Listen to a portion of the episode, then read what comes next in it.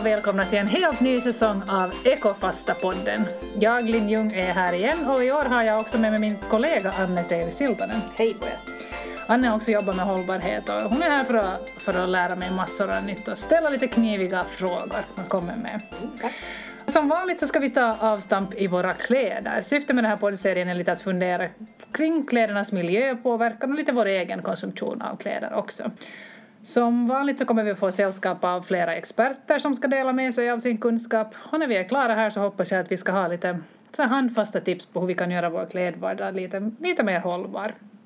Och i det här första programmet så ska vi träffa klädentreprenören och designern Elin Skogberg som förr hette Sandholm. Ja. Jag måste försöka lära mig att säga det här Elin Skogberg.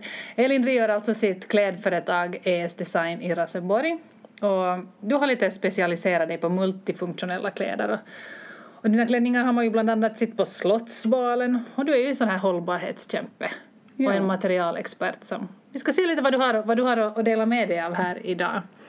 Men ska du kort sån här förklara, vem är du? Vem jag är? Mm. Uh, jag är en helt vanlig 31-årig småbarnsmamma från Karis som ända sedan jag var liten haft ett intresse för kläder. Um, Var började det? Är det med Barbiedockorna? Min fammo var faktiskt sömmerska. Okay. Så att jag har varit omringad med symaskiner och sånt redan från liten. Jag har kvar hennes gamla, gamla mönsterkonstruktionsböcker och sånt. Så det börjar långt bak. Jag, jag antar att det sitter lite i blodet.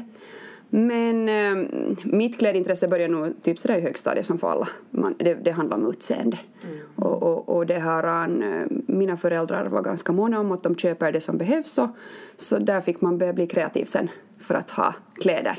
Så jag lånade syrrans och sydde om lite och började upptäcka loppisar och sånt här.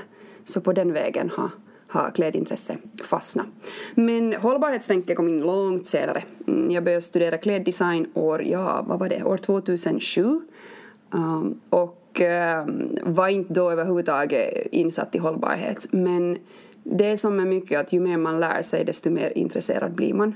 Och, och då fick jag ju lära mig de här baksidorna med massproduktion. Och, och där kom det här hållbarhetstänket in också för mig. Mm. Och du har alltså en egen klädstudio idag, eller en egen, vad heter det, inte klädstudio, design? Jag, jag, ateljé kanske? Ateljé, det, ateljé är väl det där vanliga ordet. Jag kallar det faktiskt själv för studio. Ah, bra. För, det, för det ser ut lite så. Um, jo, jag, jag visste att, att företagande är det jag vill satsa på. Hur var en annan femma. Um, så jag började nog pyssla på där hemma i, i vårt nybyggda hus på ett gästrum på 12 kvadrat. Så där byggde jag upp en liten studio med mina två små symaskiner och ett klaffbord till klippa på. Men um, med åren sen så har det eskalerat och nu har jag faktiskt en större studio på totalt cirka 70 kvadrat och stora tillskärningsbord och nio maskiner varav uh, hälften är industrimaskiner och, och, så det sakta men säkert har det byggts upp sen. Men jag är nyfiken på att veta hur mycket kan du producera per dag? Uh, det här beror helt på hurdan produkt jag tillverkar. Men uh, om jag har, jag, jag, jag föredrar till serietillverka för då går det ju väldigt mycket fortare. Alltså likadan, likadan produkt i många exemplar jag kan nu lätt komma upp i kanske en sex, åtta styck plagg per dag. Men då har jag sytt också kanske 300-400 av det plagget. Så att, äh, det var ju absolut inte så många i början. Men det är helt beroende från plagg till plagg. Så att ska man räkna ut något sorts medeltal så skulle jag säga en två, tre plagg per dag. Mm. Hur mår modebranschen i Finland idag? Är det tufft att vara, vara inom, verka inom mode och design? Eh, jo. Eller är det lätt, som en plätt? Ja, jag måste erkänna att jag, jag upplever själv när jag startade här, mm, det här multifunktionella tänket år 2016 så känns det nog lite som att jag gled in på ett bananskal för, för hållbarhet var så nytt då. Alltså det, det, ingen hade före det pratat egentligen om hållbart mode och, och jag lyft fram det som en av mina nyckelfrågor. Och eh, då tog det jättebra fart för mig och, och för många andra tror jag, som, som satsar på hållbarhet. Till exempel Globe Hope och sådana har gjort ett uppsving. Mm. Men nu har hållbarhetstänket någonting som många har nappat på så det liksom funkar inte riktigt mera. Så nu hamnar man hitta andra saker till motivera sitt företag med och sina produkter. Vi kommer säkert att komma in på det här flera gånger idag, men om vi ska gå tillbaks här helt till kärnan, där som egentligen, där allting börjar när man ska välja ett hållbart plagg, och då är det väl kanske ändå materialet som, det lönar sig att kika lite extra in i vad som finns i, i lappen här inne i, inne i plagget. Vad säger du själv, vilket är ditt absoluta favoritmaterial? absolut favorit just nu är Tencel. Tencel? Det är något sånt här stretchigt va? Nej. Okej, Linn din chans. Nej, alltså Tencel... Det låter något hypermodernt. Låter det. Ja, no, det egentligen hör till vår nyaste sån här materialgrupp som heter regenatfibrer. Alltså samma grupp som viskos. Jag tror viskos är mer bekant för er. Alltså det är uppbyggt av cellulosafibrer. Tre. Eh, ja, trämassa som man smälter ner. Så det är tillverkat på kemisk väg men utgångspunkten är någonting från naturen. Alltså ofta bokträ eller eukalyptus. Tencel är egentligen samma sak som lyocell eh, men Tencel är, är öronmärkt, alltså det är ett speciellt varumärke som, som har helt certifierade processer. Så att det är ännu en utveckling från, från lyocell. Men lyocell och Tencel är egentligen samma sak. Och, ehm, Så det är ganska fladdrigt och tunt. Ja, det, det, det liknar, jag skulle säga att det är en blandning av, det skulle kännas som en blandning av siden och bomull. Eh, ja, för det är kraftigt som bomull men faller lika fint som siden. Och mycket lättare att sköta än siden. Vi vet att får man en fläck på en sidenskjorta så, så voi voi, det, det till tvätta och ha sig. Men, men det här tål faktiskt mycket mer nötning än, än siden. Ser vi mycket Tencel? Finns det ute i butik? Det börjar sakta men säkert nog komma. Jag har ett, ett, ett tyg själv i studion som bäst som jag håller på att testa så man börjar se det nog hos leverantörerna. Men eh, det som med allt nytt att det krävs ju att man bygger upp någonting. Alltså fabrikerna måste ju bygga upp maskiner för att klara av att producera det här. Så att jag, jag tror att nu när man har märkt fördelarna med Tencel så, så kommer det definitivt att öka. Det som ännu är speciellt med Tencel är att kretsloppet för produktion är slutet. Alltså kemikalierna kan återanvändas. Så det är därför det också klassas lite som en ekotextil. Så att i många, i, till exempel när man producerar viskos så är det liknande process men man kan inte återanvända alla kemikalier på samma sätt. Vi vet ju att du är en, en materialnörd utan dess like. Material Mm. är liksom det som... Ja, det du är osunt går igång på det. Ja. Jag tänkte att är det väldigt stor skillnad vad man använder för eller vad man väljer för material på sin tröja? Och i vilka situationer märker man när man har gjort ett liksom riktigt dåligt materialval och bra val? Alltså det märks ju mest i din vardag. Låt, låt oss säga nu, jag sitter här i en studio som jag är ganska ovan att sitta i och det är en massa mackapärer här överallt och, och skulle jag nu sitta med fel sorts material på mig så skulle jag nog bli lite svettig och lite nervös och ju mer svettig man blir desto mer nervös blir man. Så att jag skulle säga att det märks mest de här felmaterialvalen i vår vardag. På jobbet, när vi är i pressade situationer, när vi springer till bussen eller något sånt. Vad händer då? No, oftast känner man sig obekväm. Svettig är ju det, det är ju det som ingen vill bli. Utan vi behöver material som andas, som kan få bort värme från kroppen när det behövs och tvärtom värma vår kropp när det behövs. Så att, att faktiskt att man känner sig bekväm eh, på, i vardagen, det är nu det absolut viktigaste. Vilka material får dig att känna dig bekväm? Um, jättemånga. Jag tror det är lättare att kasta om frågan att vilka som inte får mig att känna bekväm och det är nu definitivt syntetmaterial. Och vilka är de? Mm, de vanligaste är polyester och akryl. Nylon och sådana kan man också hitta här. Polyamider av olika slag. Alltså de är ju baserade på råolja. Det är liksom plaster. Så syntetmaterial det är egentligen som att ha en plastpåse på sig. Och vi alla vet, ska man springa till bussen med en plastpåse på sig Nej, så det det, det blir inte liksom bra.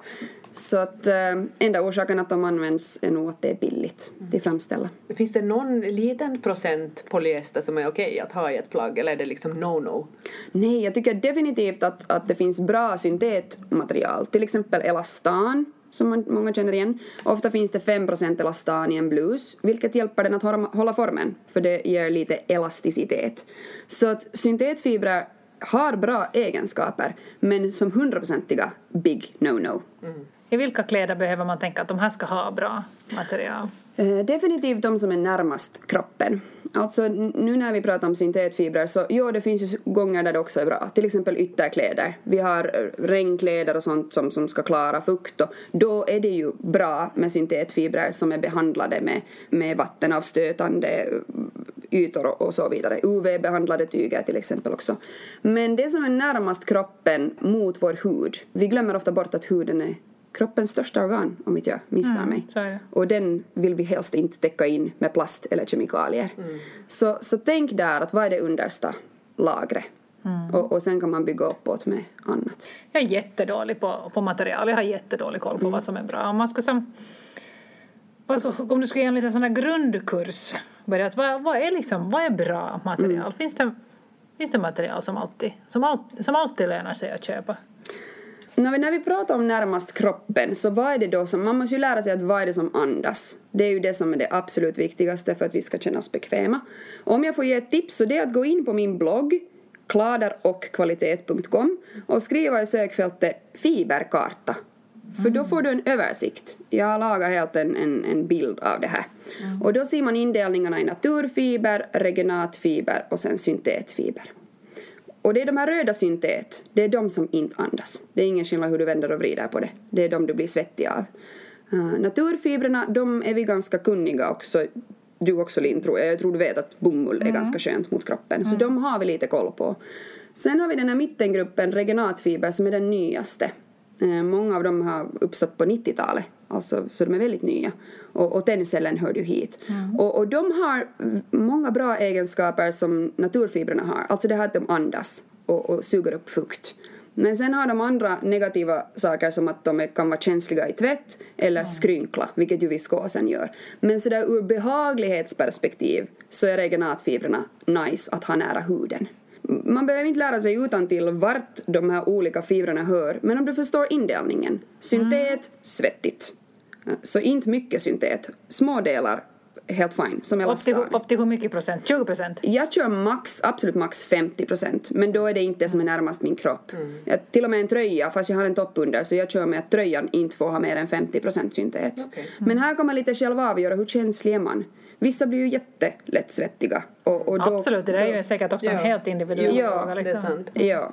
Och, och, så lär dig liksom att vilken är den här sve, så kallade svettgruppen och, och vilka andra Då börjar, det, som är okej. då börjar det kanske jag lära mig också. Det här, Exakt. här är den svettgruppen. Ja, mm. och de här andra. Sen kan du bygga på. Så du, behöver, så du behöver inte veta de här utan till. Men kanske ha, därför har jag lagat det som en bild, för då kan man ha det sparat i sin telefon och ha det med sig hela tiden. Och lite lunta, att vänta nu vilken, för ibland när det står polyamid och akryl, jaha, det är en blandning. Okej, vart hör de nu? Nå, de båda är syntetfibrer, så det blir ju 100% syntet.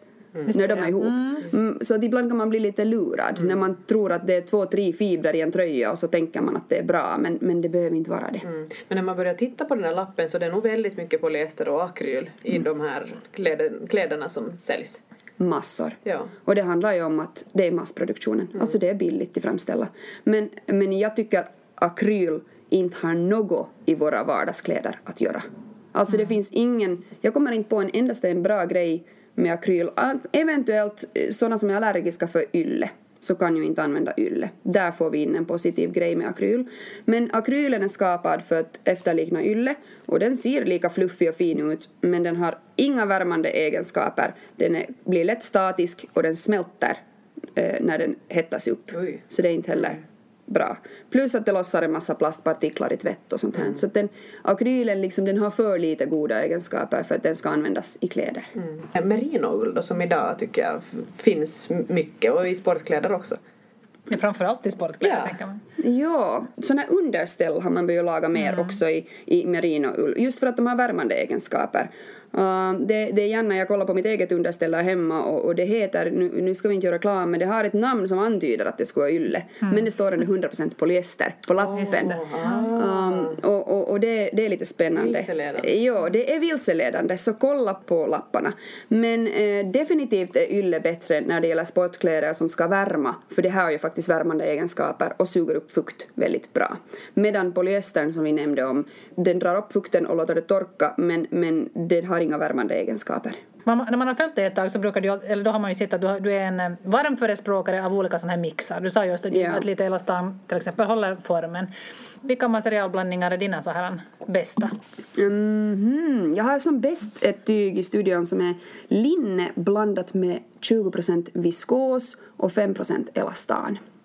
Och vi, linne är ju lite det här materialet som vissa kan klassa lite som tanttyget. Ja men det är som, är ändå ett tanttyg som har fått en, en, ett uppsving. Det har fått ett alltså. uppsving och just i skjortor och sånt här när det kommer in såna här linnetyg som är lite tunnare. För när man eh, hör den här klassiska lite tjockare linne så tänker man sån här Ja, eh, en speciell typ av plagg. Men, men när man får in eh, viskos som är väldigt mjuk så det, det blir en helt ny, ny känsla på det här tyget men ändå samma, lite samma utseende, den lite råa ytan. Så linneviskos är någonting som jag mm, tror att kommer att funka jättebra. Um, vad använder jag mer? Många nog tyger som har den här 5-6 procenten elastan. Mm. Just för den här elasticiteten så att det ska hålla formen. Och vi vet, kroppen växer lite, man kanske inte ser exakt ut, eh, likadan ut från år till år och då är det lite skönt om det finns lite, lite rum i plaggen så att man faktiskt ryms i den där klänningen ännu ett år senare. Du har ju pratat här om att, att eh, såna, plagg, plagg som är bra för dig så betyder att, de, att du, känner, du känner dig bra i dem. Men en annan aspekt är ju också att de håller länge. Det är ju också en del av ett, av ett hållbart plagg, att man kan som underhålla det länge och sådär. Finns det några vissa, vissa material som är bra, som det är som lätt att sköta och tvätta och ja, vilka är de lättaste, vilka håller längst? Eh, Där är nog definitivt bomullen, skulle jag säga, ännu en vinnare. Vi har ju många andra negativa aspekter med bomull, det här att det går åt grymma mängder vatten att producera och det används jättemycket bekämpningsmedel på bomull. Men en, ser man på livslängden så bomull, ett par bomullsjeans som är 100% bomull, de håller nog väldigt länge. Um, så bomullen, och den tål dessutom att man lite gnider bort fläckar och sånt här. Eh, Mitt, mitt favorittips är att använda diskmedel för att ta bort fläckar. Alltså medan du ännu har kläderna på dig så kan du skumma upp lite diskmedel på en svamp och använda det här skummet och gnida lite på så får du bort fläckar. Och det, När färs- fläcken är färsk. när fläcken är färsk, jo, eller när du bara märker att du ska utanför dörren och så oj, jag hade, hade lite fläckar här, så, så kan man få det hastigt, hastigt bort. Um, det är inte möjligt med siden till exempel, för siden det, det räcker med en, en vattendroppe så lämnar det fläck på, på siden tyger. Så att mm, bomull som tål det här lite nötande. Lyocellen som jag nämnde, för den är också slitstark, så den tål det här nötande. Till och med viskosen som är ganska tunn och fallande så tål ganska mycket nötning. Men den är lite känslig i tvätt, så den tål inte här varm tvätt. Så där får man vara försiktig, för viskos har en tendens till krympa. Mm. Så det, det kan vara en negativ grej. Men någonting som jag också vill lyfta fram är det här att vi måste lite analysera oss själva, att hur lever jag? Uh, jobbar man på, på plats, arbetsplatser där man behöver se representativ ut, kanske pratar mycket med kunder och sånt, och då kan en sidenblus vara vara jättebra för dig. Och så byter man om när man kommer hem. Men jag som småbarnsmamma som ofta jobbar för mig själv dit i studion och klipper och har mig och har nålar överallt, sidenblusar är inte aktuellt för mig. Så att lite analysera sin egen livssituation. Och den ändrar ju. Så det som funkar för dig för fem år sedan, kanske du måste liksom investera i något annat idag. Så att alltid utgå från sig själv. Eh, Och hurdant liv man lever. Och i det liv som jag lever så, så upplever jag ofta att jag har alldeles för mycket noppor på mig. det är ju liksom de här ständigt återkommande nopptröjorna, det, det gör mig galen. Hur ska, man som, hur ska du kunna som befria mig från noppor i min vardag? Alltså noppor uppstår egentligen när fibrerna glider från sin plats och, och rullar ihop sig till små bollar. Så det är ju fibrer som, som inte, man, man lyckas nog inte få tillbaka, dem, så de måste ju bort. Ehm, noppor uppstår lättare i, fib, i fib, blandade plagg där fibrerna är olika hala. Så det kan man nog lägga märke till. Att vilka, akry- vilka är de här noppmaterialen big no-no? Uh, no, eh, vissa material som mohair, jag vet inte riktigt hur man uttalar mohair, Ja, alla säger mohair. olika. Men, men de ska noppa till en början för de här korta fibrerna ska komma bort. Så Mm. vissa fibrer ska ju noppa först och så ska man kamma bort dem med en sån här speciell kam och sen slutar de noppa. En bättre kam eller sån här maskin? Mm, jag skulle säga att just i mohair och angora så ska du använda den där kammen för den är liksom vassare och finare. Men eh, till, till helt vanliga tröjor, uh, ylletröjor, kan du bra använda en noppmaskin. För att den, du behöver inte vara så hemskt försiktig med den för den har ett, skydd, ett eh, skyddande lager på. Ett sista tips som jag använder mycket av är rakhyvel. Oho, Alltså, eh, ibland har man ju trikåblusar till exempel som också, de blir inte, det blir inte stora noppor men det blir sånt där rugg vet ni som ser väldigt ofräscht ut. Så då spänner man ut plagget eh, mot låret eller mot soffan eller någonting och drar försiktigt med en vass rakhyvel så får man bort det här luddet. Här får man vara försiktig att man inte drar hål. Så, så för den, de här små, det här lilla luddet så det funkar inte med noppmaskin för det far inte helt enkelt Nej. in dit. Nej. Så då är faktiskt rakhyvel ganska praktiskt. Men ett, att, att, ett, ett, här första steg är kanske också då att köpa inte så mycket akryltröjor och andra sådana som, som Nej, noppar. som inte noppar. Är det, de, är det akryl som, som noppar allra mest eller vilka? Jag, jag skulle säga det för den är så hal så de vill inte riktigt hållas på plats. Också grovstickade plagg, alltså plagg som är ganska porösa. Det säger ju sig självt att när det är poröst så då vill de där fibrerna glida ur sin egen plats. Mm. Jag använder själv väldigt sällan grovstickade plagg. Nå, nopporna är en orsak men också att smycken och sånt fastnar i. Ja, så att det. det river loss och då blir det liksom så där igen. Hur lever man? Använder man mycket smycken? Vad funkar? Så att det, det har jag själv valt bort, grovstickat.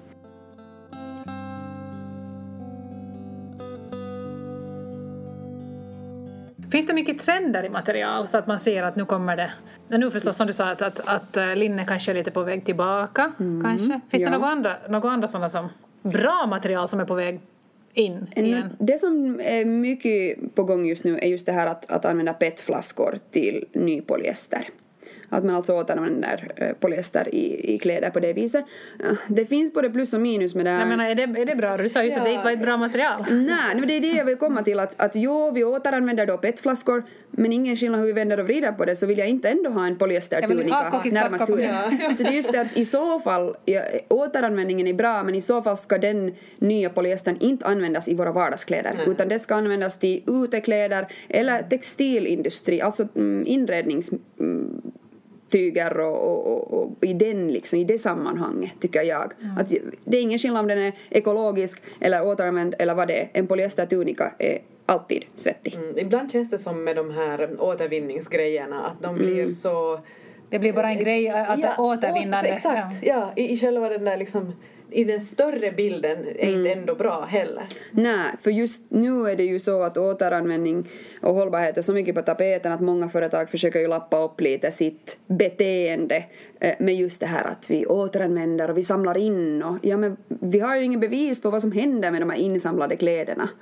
Alltså summa summarum, det finns en endast en vettig lösning på det här hållbarhetsproblemet vad gäller kläder tycker jag och det här är någonting som varenda sten kan lära sig. Konsumera färre antal plagg. Punkt. Ja, men det är ju, det är ju lätt. Det är Alltså, jättebra. Det, men, det är ju, jag tänker också, det, det kräver, men det kräver ju också att man känner till vilka material som, Ja. som då håller längre och att man känner till sin Exakt. stil och sådär. Det, Exakt. och det är ju kanske inte alla som har funderat på det så mycket. Nej. Allra minst jag. Nej, det kräver ju jättemycket tålamod Så gör att göra faktiskt sin research. Pro- problemet är ju det att vi är så vana nu att få serverat. Vi, Mm. Har man bestämt att jag ska ha en ny klänning till helgen, då, då får vi ut till butiken på torsdag och förväntar oss att Exakt. hitta den på torsdag. Ja. Och så ska vi ha på den på helgen. Så det är det här vi måste komma ifrån. Alltså om du, om man är, nu är jag lite hård, men om man är vuxen kvinna och, och inte har någonting att ta på sig på en fest på helgen, då, då är det nog läge till att se över sina konsumtionsvanor. Om du absolut inte har något i sätt på dig. Jag förstår om det är någon gala eller något större, men om det är en vanlig fest, vet du, du inte har något i sätt på. Så det, då börjar man känna att hur har du riktigt konsumerat de senaste åren? Så börj bygga upp någon sorts bas i alla fall. Att ingen skillnad, fast du inte hinner köpa någonting, så har du någonting till falla tillbaks på. Sen är det, det är kanske inte så spännande att jag använder den där samma svarta klänningen då femte gången. Behöver man tänka efter då också när man ska köpa en festklänning som man inte använder så ofta också liksom i är det lika viktigt som du sa att de här vardagsplaggen som du har Mm. närmast kroppen? Men är det ändå...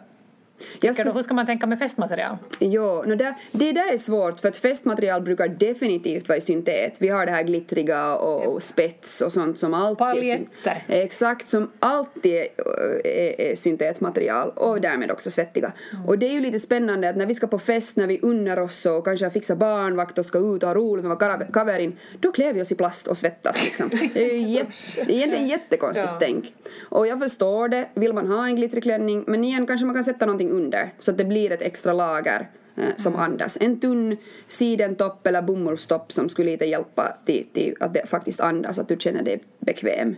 Eh, men det är lite gärna ju att, att fest mat- festkläderna har vi på något sätt accepterat att det ska vara syntet. ska vara plast mm. Ja, så jag skulle kanske investera i en just någon svart, om man inte är klänningsmänniska så det kan också vara byxa, alltså det behöver inte vara klänning. Men om man ju tänker en svart klänning som är någonting vettigt material, den, den behöver inte vara så trendig utan gärna någon sån här mm, Tidlös. tidlös modell som alltid funkar. Sen kan du spicea upp den med smycken och skor och sånt. Och ibland för att vara ärlig, så när man går på fest så ibland har man inte filis till sticka ut och se så speciell ut. Ja men då funkar den där svarta jättebra. Också. Så exakt. Så att då om du inte orkar gå och köpa någonting eh, så, så har du någonting till falla tillbaks på.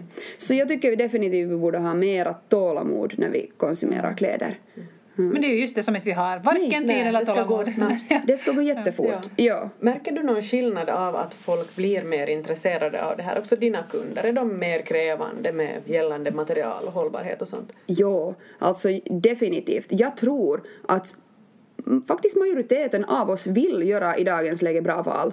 Men det kräver research och man ska läsa på och man ska som du sa vara kunnig. Så man orkar inte. Man ger upp liksom halvvägs. Och därför tycker jag det är jättebra uh, när nya företag, fast de är små, men att man lyfter fram och berättar att hej jag har gjort det här arbetet för dig, jag har researchat det här för dig, vi använder sånt som bara är bra. Och bara man får det förtroende så då kan man liksom sen eh, handla där. Så att, eh, mm, så att ett tips kanske också till konsumenter att om ni hittar något bra företag, stora som små, som gör någonting bra, lyft dem. Dela med er till andra så att andra lätt kan göra bra val. För att vi har mycket annat att fundera på. Man, man hinner inte researcha i allt och det förstår jag. Hur är det då när man går på loppis och tittar på, på loppiskläder? Vad ska man hålla utkik efter på loppis? Det är ju förstås då samma sak som när man går i, i, i vanliga butiker eller, eller hur ser du på loppis-shopping? Jo, jag använder loppis mycket, alltså jag har varit en sån här grym shopaholic får jag erkänna. Jag hade massor med kläder, ungefär, jag har säkert tio gånger mer än vad jag hade i, har i dagens läge. Och eh, när jag insåg att det här var inte fiffigt så började jag fasa ut mitt shoppande med loppis. Ni vet, för ett stilla Ja. behov, alltså lite så här smärtlindring. Ja. Så, Fasa ut, det var ett bra Ja, ord. så att jag, och jag tycker det är helt okej, man måste få fasa ut sina, sina Monsters. beroenden. Ja. Och då shoppar jag väldigt mycket på loppis. Men, men det är ju också konsumtion. Så, och, och hälften av det jag köpt, kanske mer, var ju inte bra. Och det blev ju sådär att jag förde till, i princip tillbaka till loppis. Men loppis kan vara jättebra som just att fasa ut. Men också om du eh, har eh, i tanken vad du behöver men inte kanske jättespecifikt eh, exakt hur det här plagget ska se ut. Så då är det väldigt sannolikt att du kan hitta på loppis. Problem med loppis är att väldigt ofta, tyvärr, är de här materiallapparna bortklippta. Så du ser inte vad det är gjort av. Men när man börjar lite titta på material, väldigt fort lär du dig till känna med fingrarna vad är syntet. Du känner vad som är polyester, för du känner att det är lite plastigt mellan fingrarna. Så, så man kan lära sig det här att, att känna. Jag, ofta när jag går och, och, och köper kläder i dagens, eller ofta, jag köper inte ens ofta kläder, men när jag gör det så jag, jag kan ofta känna med fingrarna att är det här ett naturmaterial eller inte. Så att det, det är nog när man går på loppis att gäller att hålla de här sina kvalitetskrav. Har jag bestämt att det ska vara max 50% syntet, nej men då gäller det på loppis. Ja. Vet du, annars har du en massa kläder där hemma sen som gör dig eh, liksom illa till mods Ja, på, på dagen. De, de, de, de fyller ju ingen funktion. Nej. Men jag skulle ändå vilja fråga om det, om, eh, angående det här företaget, men det är ju inte så hemskt lätt att vara klädföretagare i Finland idag. Liksom hur, Men du, du ser ju ändå alla, alla dina klänningar själv här. I Karis finns din studio. Yes. Har du någon gång lockats av tanken att du skulle som tänka det skulle vara lättare, du skulle bara som fiffla ut det någon annanstans? Nå jo, här för någon sommar två- sommaren 2018 när jag hade ty, typ så här 22 bröllop som jag skulle leverera brudtärneklänningar till så då var jag nog så här att hmm, att är det så fiffigt att jag sitter och syr samma söm, samma liksom om och om igen. Men på något sätt, så för mig är det värt det. Made in Finland. Det säger så mycket till en konsument. Uh, för vi har lagar, vi har regler, det, det, vi betalar inte under minimilön. Jag vill på något sätt kunna garantera det. Jag vill ha kontroll på min egen produktionsprocess. För som jag sa här, jag får, när jag beställer intyger, jag måste lita på min leverantör att de pratar sanning. Men jag kan inte veta. Men om jag producerar själv så då vet jag ju hur jag sköter min egen produktion och, och vet att jag håller det jag lovar. Mm, så därför eh, vill jag nog hålla produktionen än så länge i, eh, hos mig själv. Eh, eventuellt samarbeta med andra i, inom Finland sen. Men, men åtminstone ha ställen där jag kan besöka på plats.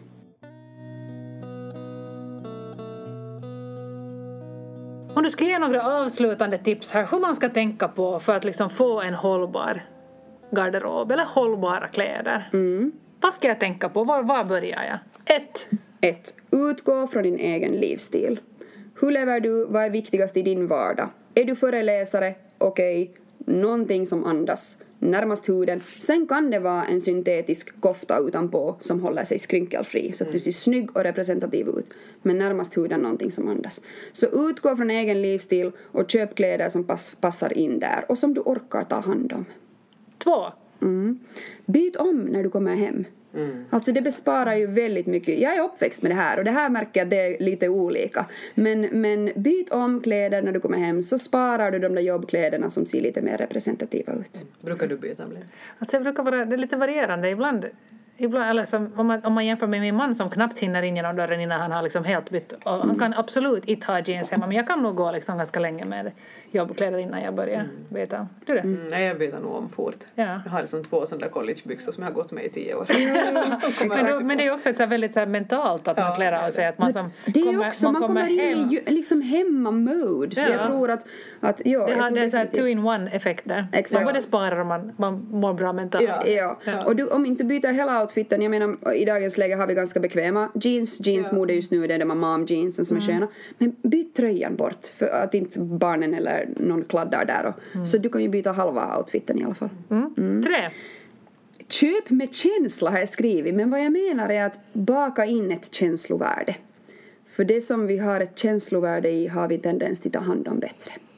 Jag brukar förknippa alla mina köp med en resa, med ett event, med någonting kul, en belöning för ett stort projekt eller någonting sånt. Eller, Det var ganska bra eller en. Mm. födelsedagspresent till sig själv. Jag märker tyvärr att det är så att något sånt som jag har lagt mer pengar på, om jag har köpt någonting, jag har köpt en tröja som kostar liksom då lite mer, lite mer än vad jag no- normalt skulle då tar jag ju mycket bättre hand om den. Ja, också. så är det. Plötsligt Än- ligger inte den på golvet. Nej, det gör den Nej, aldrig. utan man de- lyfter upp den och hänger jag upp hänger den och jag vädrar den och jag vårdar den som mitt och jag, eget barn. Jag tror det här det, det sker automatiskt när man liksom har satt lite mer krut på någonting. Och det behöver Ja. inte betyda att det måste vara dyrare nödvändigtvis. Nej men jag märker att det är som omedvetet gör jag det. Exakt, men att när du har köpt någonting med omtanke så, så tar du också hand om det automatiskt bättre. Fyra. Nå, det går in ihop med den här köp med känsla, men tålamod. Du behövde knappast imorgon. No, oftast behöver jag. Ja, oftast behöver du. Men att faktiskt lite vara förutseende. Det här gäller speciellt barnkläder till exempel. Jag har färdigt lådor med storlekar som är för stora till barnen nu för då kan jag göra vettiga val och, och köpa på loppis. Och, och samma med sig själv, du kanske inte behöver vänta till sista dagen tills skorna är helt söndernötta. Utan börjar de se ut att vara på sista versen av de skorna, börja redan nu se att var ska du hitta. Och det är så mycket roligare då sen när man hittar dem i butiken. Och så vet man yes, jag har sökt sådana här. Nu får jag köpa dem. Voila! Och det är så mycket roligare. Så på, på något sätt med det här tålamodet så shopping blir också då roligare. För att vi, vi måste ju komma ihåg att shopping får nog vara lite roligt. Alltså vi får uttrycka oss med kläder. Jag är inte någon sån här helt psycho nu som tycker att man inte får köpa något alls. Utan vi får, jag tycker man ska få uttrycka sig med kläder och experimentera. Men, men li, liksom dra ner rejält på, på köpen. Men det är så skönt du säger det där, för det har blivit lite sådär tabu idag Ja, nästan. Man ska inte äga så mycket och, och nej nej, bara max tio plagg och det ska Nej. man ha. Basgarderob, Ja, svart exakt. håller passar till allt. Nej, och jag vet, och det blir ju ganska tråkigt, så nej, det, det stöder inte jag alls. Men när jag själv började rensa i mitt skåp, och jag tyckte att ja, jag har nu konsumerat ganska bra de senaste fem åren tyckte jag, alltså jag kunde få bort över hälften därifrån, som var sådär att oh, vad är det här? Så att när man tar en ordentlig analys och faktiskt börjar sortera så märker man hur mycket tokiga köp man gör. Så att du behöver inte dra det liksom till det extrema och bara köpa ett plagg om året. Kanske du behöver en detox, så då kan du göra något sånt. Men att, att nej, jag tycker fort, fortsättningsvis att vi ska få handla kläder, vi ska få känna oss fina och praktiska och så Men bara dra Och- ut det där tidsspannet lite. Ja. Det gör det kanske också det gör ju jakten lite längre och roligare också. Exakt, exakt. Och sen blir det som sagt så härligt sen när man hittar det där perfekta. Mm. Nummer fem och sista. Kom ihåg att all produktion tär på naturresurser. Köp färre antal. Det är nu liksom det, i, I det stora så är det det som påverkar vår hållbarhet. Och det är någonting som alla kan ta till sig. För, för som vi konstaterar det här med materiallära och dibadaba, det är ganska svårt. Men vi alla kan hoppa över det där varannat plagget. Det där impulsköpet. Garanterat. Det kan i alla fall jag. Lite tänka efter. Mm, Det tror jag med. Tusen tack Elin för att du var med och bidrar till det. Nu jag, känner jag mig lite, lite, lite smartare i alla fall vad det, kom, vad det gäller material. Tack själva, jätteroligt att vara här. Det var jätteintressant. Bakom den här poddserien står Kyrkostyrelsen och Martaförbundet. Mera från Ekofasta-kampanjen hittar du som vanligt på ekofasta.fi. Och fler poddar hittar du där poddar finns. I nästa avsnitt ska vi prata lite mer om eh, klimatångest och dåligt samvete. Tills dess, tack och hej! Hej då! Hej då! Hej då!